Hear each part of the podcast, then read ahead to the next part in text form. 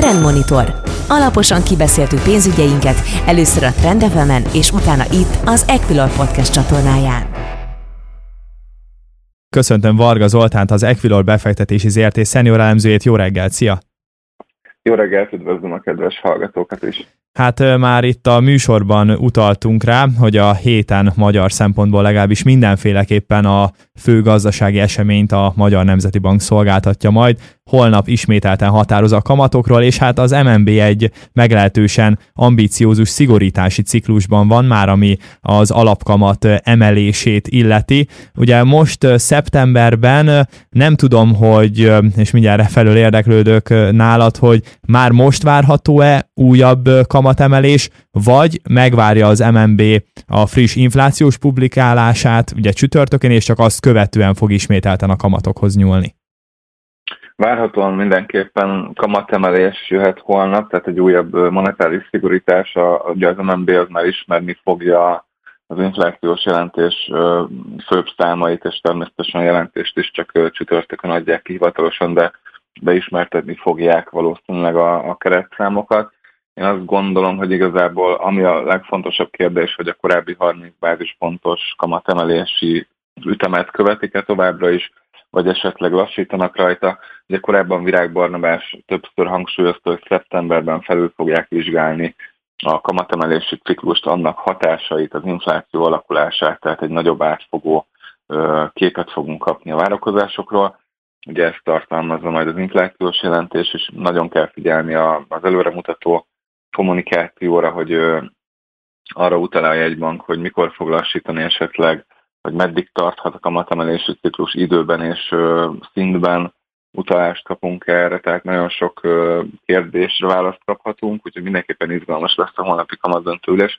Én azt várom egyébként, hogy egy picit lassítanak a kamatemelési ütemen, tehát a korábbi 30 bázispontos szigorítás helyett inkább 20 bázispontot várnék, de ehhez mindenképpen egy olyan háttér kellene, hogy, hogy azt lássa egy bank, hogy az inflációt hosszú távon sikerül majd némileg tompítani, nem is megállítani, vagy teljesen visszacsökkenteni, hiszen nem csak keresleti oldali, sőt nem igazából keresleti oldali inflációval jelenleg Magyarországon és a világban, de mindenképpen ö, szeretné ugye csillapítani az infláció ütemét. Ugye korábbi várakozása alapján a jegybanknak jövő év első, második negyedévére térhet vissza az infláció a tolerancia sávba, ugye ami 3% plusz 1%, és az év második felében várható inkább az inflációs cél elérése. Ennek egyébként bázis hatások is lesznek az okai, hiszen az idejében meglehetősen magas volt a bázis, míg tavaly alacsony természetesen.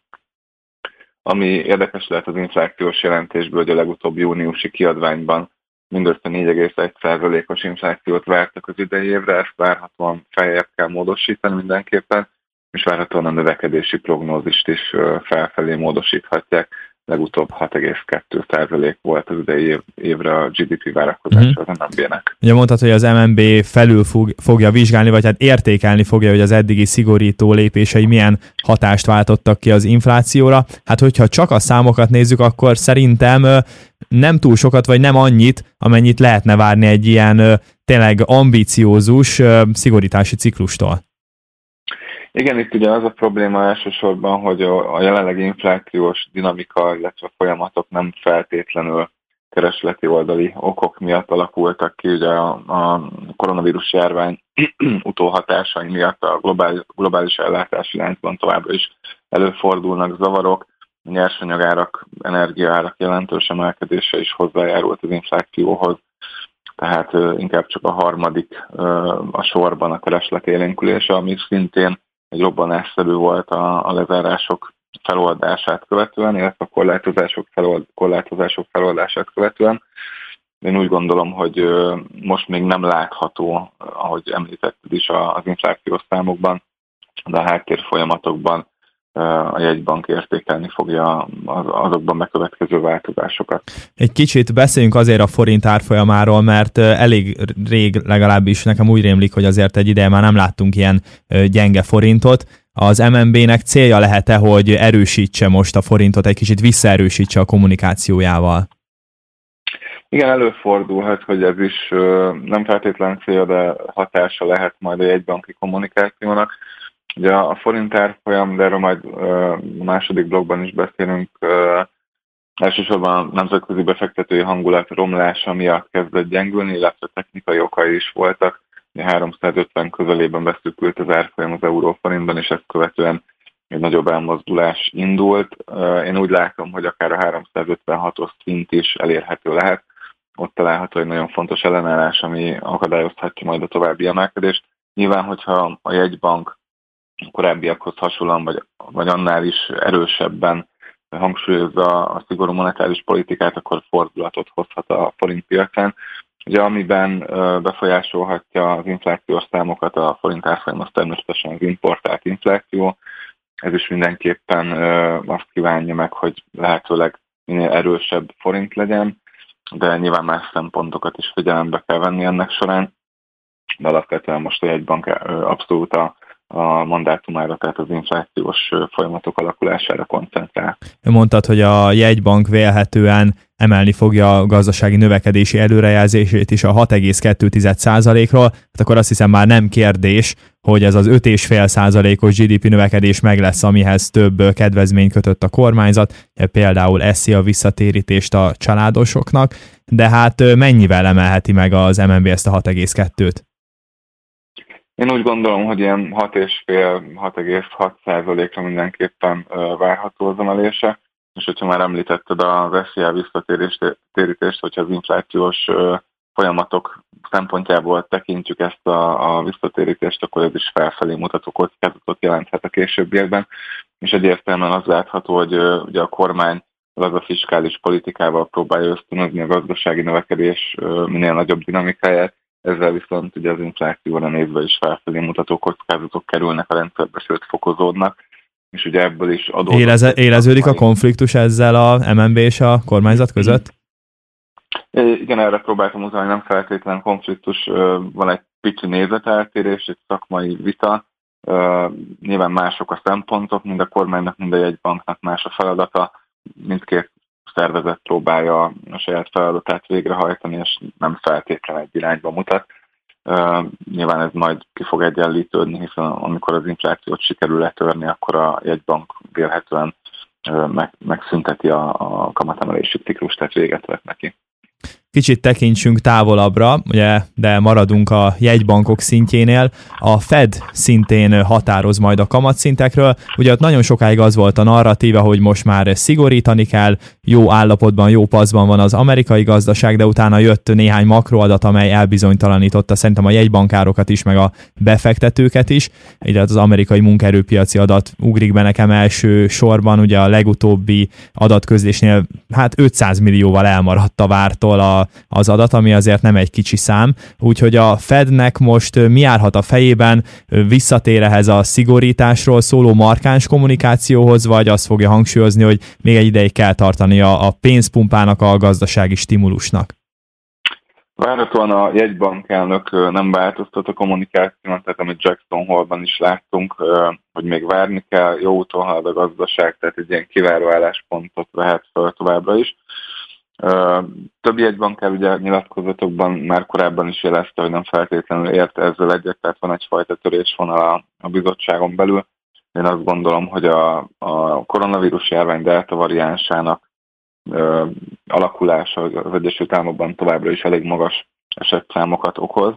Ez pedig ugye a munkaerőpiacon is problémákat okozott. Augusztusban láttuk, ahogy említetted is, egy, egy vártnál jóval alacsonyabb foglalkoztatottsági számokat, úgyhogy ez mindenképpen indok lehet arra, hogy kivárjon a Fed. Én azt gondolom, hogy november 3-án, tehát a következő ülésen lehet valamilyen bejelentés. Pável annyiban eltérhet, illetve a közlemény kommunikáció annyiban eltérhet a korábbiaktól, hogy a, a folytatta a gazdaság a, a jó úton haladást, de a foglalkoztatottságban nem sikerült elérni a, a feladatokat tehát nagy valószínűség ezt fogja kommunikálni.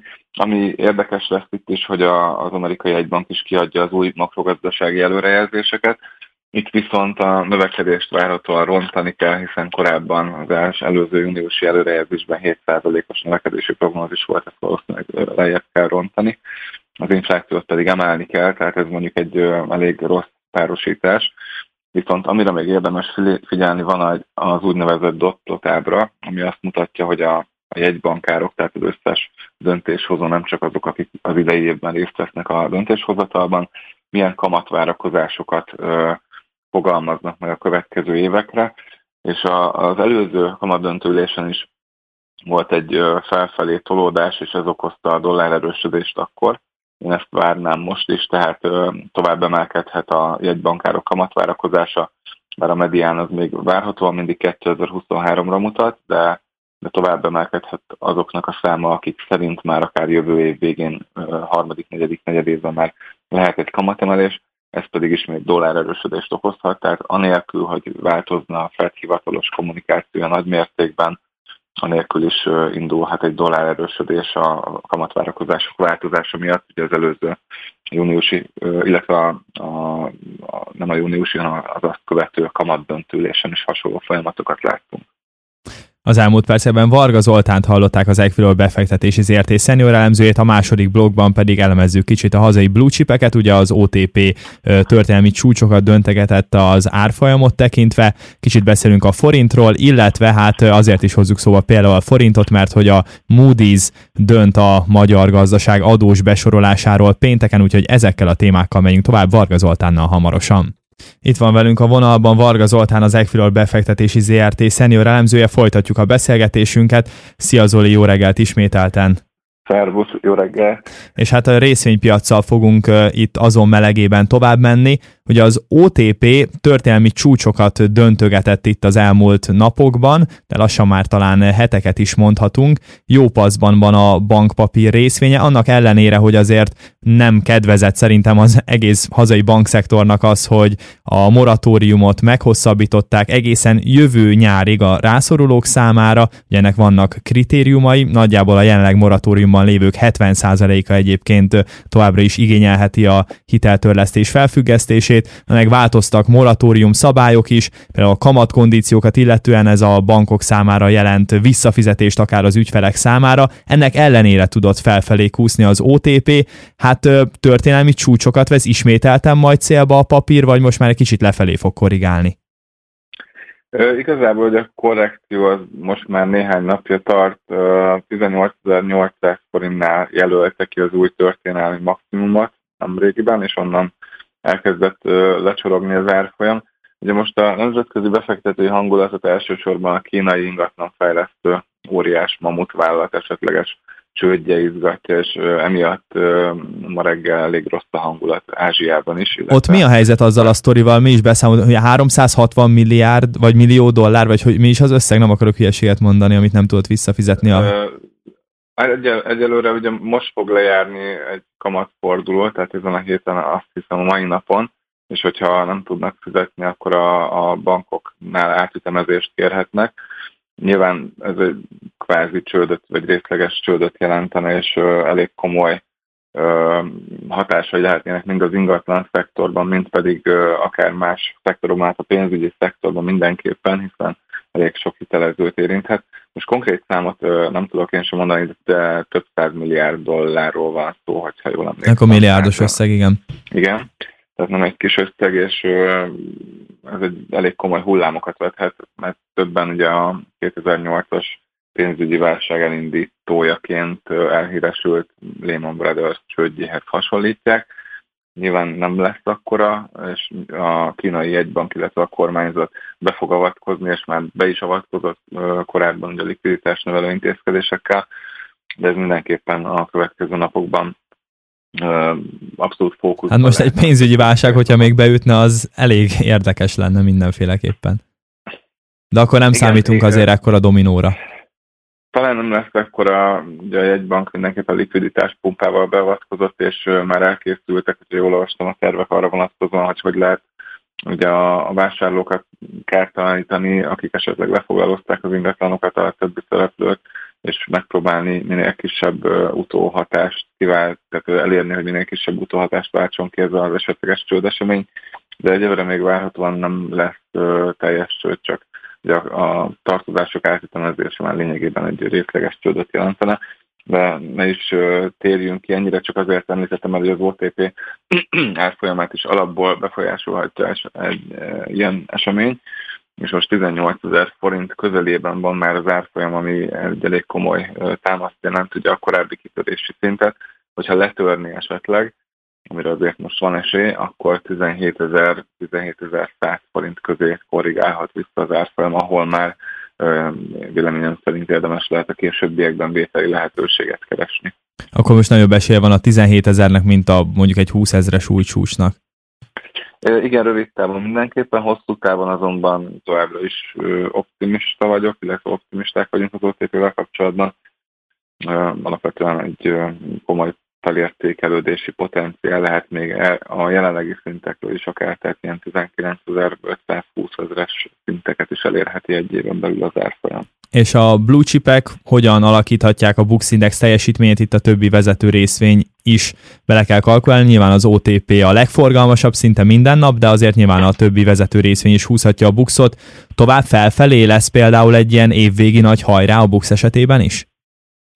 Elképzelhető egyébként, hogy év végéig, tehát az év utolsó egy-két hónapjában ismét pozitív hangulat alakul ki. Én most rövid távon egy picit óvatos lennék, tehát ugye az említettek miatt is nemzetközi események miatt elképzelhető egy korrekciós hullám, de alapvetően lényegében a Magyar Telekom kivételével, hiszen nincs túl nagy, vagy nem látunk túl nagy felértékelődési potenciál, de de a MOL-ban, illetve a Richterben is lehet még felfelé kör. Ugye a MOL árfolyamát alapvetően befolyásolhatja majd a, egyrészt a koronavírus járvány alakulása, ami ugye a globális olajkeresletet alakíthatja, amennyiben az olajárfolyam tovább tud emelkedni, akkor azért a, a MOL jegyzése is feljebb kerülhet. A Richternél egy picit most akadozik az emelkedés, most egy ilyen lényegében pénteken ugye csinált egy pozitív korrekciót, de nagyon fontos támasz közelében volt, és onnan tudott elrugaszkodni. 3%-ot emelkedett a pénteki kereskedés, és most 8800 forintnál van egy meghatározó ellenállás, amit tesztelhet majd. A héten dönt a magyar adós besorolásról az egyik legnagyobb hitelminősítő a Moody's. Hát ugye csak a makroszámokat vizsgáljuk, akkor érdekes helyzetben van a magyar gazdaság, mert a GDP az robusztusan nő a tavalyi nagyon alacsony bázishoz viszonyítva, eközben viszont magas az infláció, hát erről beszéltünk az első blogban, és hát miként Európa összes országában elszabadult azért az államadóság nagy mértékben nőtt, ugye devizakötvényt is bocsájtott ki a múlt héten Magyarország, szóval egy ilyen környezetben a Moody's-tól az én véleményem szerint vagy a tartás lehet talán a legvalószínűbb forgatókönyv, a felminősítésre talán kisebb az esély, de mit mondasz te? Első ránézésre egyébként nem lehet teljesen kizárni a, a felminősítést, hiszen pozitív kilátás van a jelenlegi adós rendelve, ami ráadásul alacsonyabb, mint az S&P-nél, illetve a Fitch Ratings-nél, tehát egy egy fokozattal alacsonyabb besorolás van érvényben. Ugye a legutóbbi márciusi felülvizsgálat során egyáltalán nem is vizsgálta a besorolásunkat a Moody's, és tavaly volt a, a kilátás javítása, tehát akkor minősítették pozitívra a kilátást, de valószínűleg igazad lesz, és végül nem fognak uh, felminősíteni. Egyébként ennek, tehát akkor nézzük meg, hogy mi lehet az oka a felminősítésnek. Ugye a növekedés abszolút dinamikus, kicsit infláció túllövés van, de, de ez alapvetően nem befolyásolja a hitel minősítést, tehát a kifizetési képességet, ami ráadásul ugye belső finanszírozású nagy részt a devizaadósság. Most a devizakötvény kibocsátással bár emelkedett, de 20% körül volt a teljes államadóságon belül. És ugye ilyenkor mindig azt szoktam megnézni, és érdemes megnézni a legutóbbi Moody's közleményben, mindig kiadnak egy kiegészítést, hogy mi emelhetni, vagy mi csökkenthetni a besorolást és a tavaly kiadott közleményben ugye a, a felminősítés akkor lehet, hogyha gyorsan kilábal a gazdaság, a gazdasági válságból a hazai gazdaság, ez lényegében megtörtént, és viszont itt van egy fontos tényező, hogy meg kellene fordítani az emelkedő adósságpályát, illetve erre, ebbe az irányba kellene törekvéseket tenni a fiskális politikának. Ez viszont nem történt meg, bár várhatóan csökken a GDP arányos államadóság az idei évben és jövőre is, de továbbra is laza fiskális politika várható, és itt volt egy olyan kitétele a Moody's-nak, hogy, hogy itt egy pici uh, szigorításra lenne talán szükség, és ez segíthetni a, a felminősítést, illetve volt egy olyan kiegészítésük is, hogy uh, ami lefelé módosíthatja a besorolást, most ez esetben ugye a, a kilátást visszaminősíteni és stabil rá, hogyha nem mutatkoznak jelei a költségvetési hiány visszafogásának és folyamatos adósságcsökkentésnek, illetve még olyan intézkedések is történnének, ami visszafogná a gazdasági növekedést. Ugye itt a, az adósság teherrel kapcsolatos szándék, kormányzati szándékon van a hangsúly. Én úgy gondolom, hogy ezt úgy fogja értékelni a hitelminősítő, hogy nagyon kedvezőek a folyamatok, viszont nem megfelelő mértékben csökken az adósság, de, de azért mondtam, hogy nem zárható ki egyébként a felminősítés, hogyha ezt kisebb súlya veszik figyelembe, de a többi tényező az egyértelműen a pozitív irányba hat, és előbb-utóbb általában a három héten minősítő egy szinten szokott tartani minket, most hosszú ideje nem erről van szó, tehát a Moody's alacsonyabb besorolás tart érvényben, mint a másik két hitelminősítő. Meglátjuk akkor a pénteki döntést. Nagyon szépen köszönöm. Varga Zoltánnal, az Equilor befektetési ZRT szenőrelemzővel beszélgettem itt az elmúlt egy órában, és akkor szép hetet kívánok neked. Szia! Köszönöm szépen a figyelmet, sziasztok! Trendmonitor. Alaposan kibeszéltük pénzügyeinket, először a Trend és utána itt az Equilor Podcast csatornáján. A műsorban elhangzott információk marketing közleménynek minősülnek, és nem a befektetési elemzés függetlenségének előmozdítását célozza. Az elhangzottak tájékoztató jelleggel bírnak, a megszólalók adott időpontban fennálló véleményét tükrözik, nem minősül bármely pénzügyi eszköz jegyzésére, vásárlására vagy eladására történő felhívásnak, befektetési tanácsadásának, továbbá befektetési döntések alapjául sem szolgálhat. Az elhangzottak nem tekinthetők szerződéskötésre vagy kötelezettségvállalásra történő ösztönzésként, azok kizárólag saját felelősségre használhatóak fel. Részletes tájékoztatóért keresse fel honlapunkat www.ekülör.hu